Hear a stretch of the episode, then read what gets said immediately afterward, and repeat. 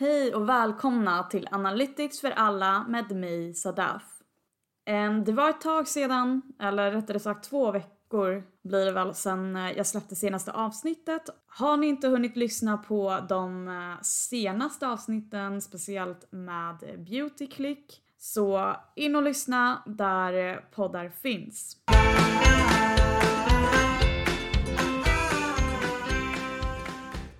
I dagens avsnitt så kommer jag att prata lite om ordet IoT, Internet of Things. Jag vet att många säkerligen har hört om ordet förut. Jag har i podden också tidigare pratat om detta ämne. Men idag så ska vi djupdyka. Så håll i er. Kanske känner du igen smarta hem eller smart home som vi brukar kalla det för som inkluderar de olika IoT-enheterna som gör ditt hem mycket enklare. Men IoT-enheter finns också utanför hemmet. Den kan sträcka sig från en wifi husdjurskamera i din bokhylla till en medicinsk enhet som är implanterad i din kropp. Så, så länge enheten kan ansluta till internet och ha sensorer som överför data så kan den bekräftas eller betraktas då som en IoT-enhet. Även din mobiltelefon kan troligen förknippas med IoT. Det är inte riktigt samma sak. Mobiltelefoner spelar dock en väldigt stor roll i IoT eftersom många IoT-enheter kan styras via en app i mobilen. Så du kan använda din, eh, låt oss säga då, smartphone Ehm, för att kommunicera med din, din eh, smarta termostat.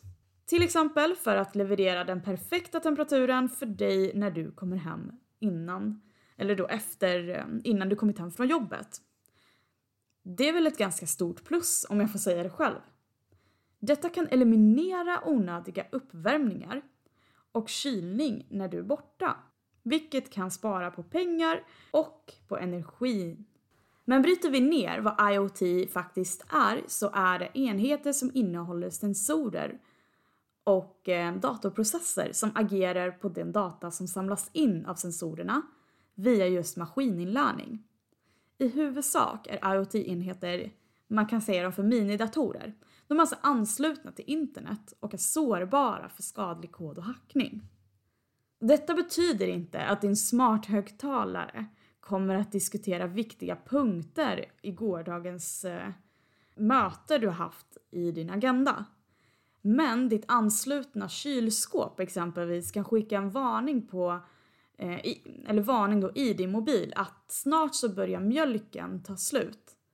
Men om vi går ännu längre tillbaka så började faktiskt allting i början av 1980-talet när studenter från ett universitet utvecklade den första internetanslutna enheten.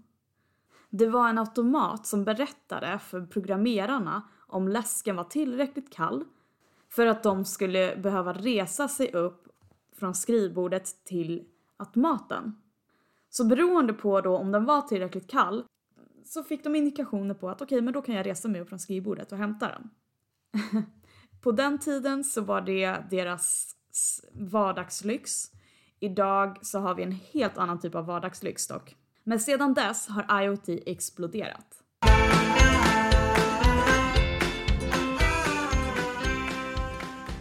Men hur kommer det bli i framtiden? Enheterna blir ju mindre och ännu smartare. Så småningom kan allt från din tandborste till din brödrost vara anslutna till internet 24-7. Så dina prylar blir hushållsassistenter skulle man kunna säga. Och var och en chattar med varandra och arbetar ju för att du ska ha det bättre. Men då kommer min nästa fråga, hur långt ska vi gå med det här? Hur långt kan vi ens gå med det? Enligt min mening, jag tror inte det kommer finnas något stopp. Um, vi kommer bara hitta på och uppfinna än fler idéer, vilket är extremt jag skulle säga häftigt men också det kommer ju komma in någon typ av lathet i det här, det går ju inte att komma förbi det. Så som vi redan idag har robotdammsugare, vilket jag i sig förstår för att det är en extremt skön pryl att ha hemma, så är det ändå en typ av lathet i oss som gör att vi väljer den här typen av prylar om vi nu ändå har kapaciteten till att kunna städa själva.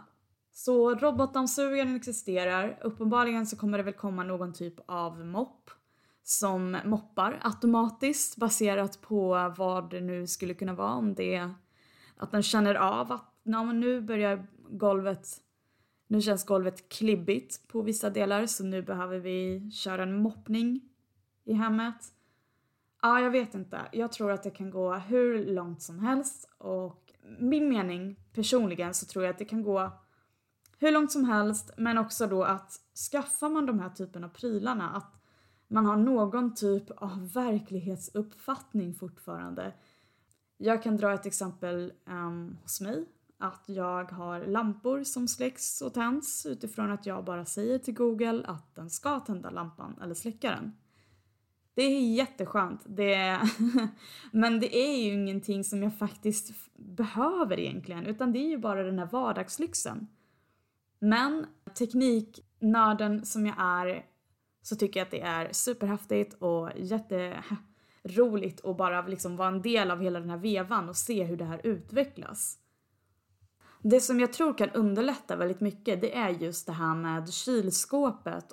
För det händer så ofta att jag är i matbutiken och jag glömmer bort, har jag köpt ett paket ägg eller har jag inte gjort det? För nu är det ehm, um, 20 kronor för 15 packs ägg.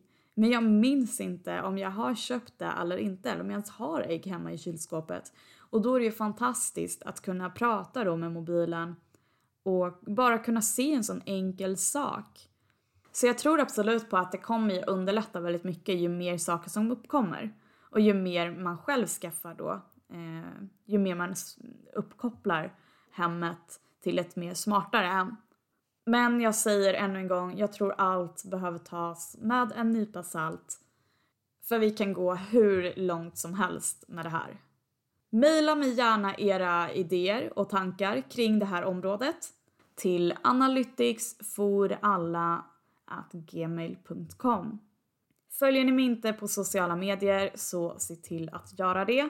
Det finns länkat i avsnittets beskrivning. Och jag önskar er helt enkelt en fortsatt fin vecka så hörs vi tills nästa gång. Och stay tuned!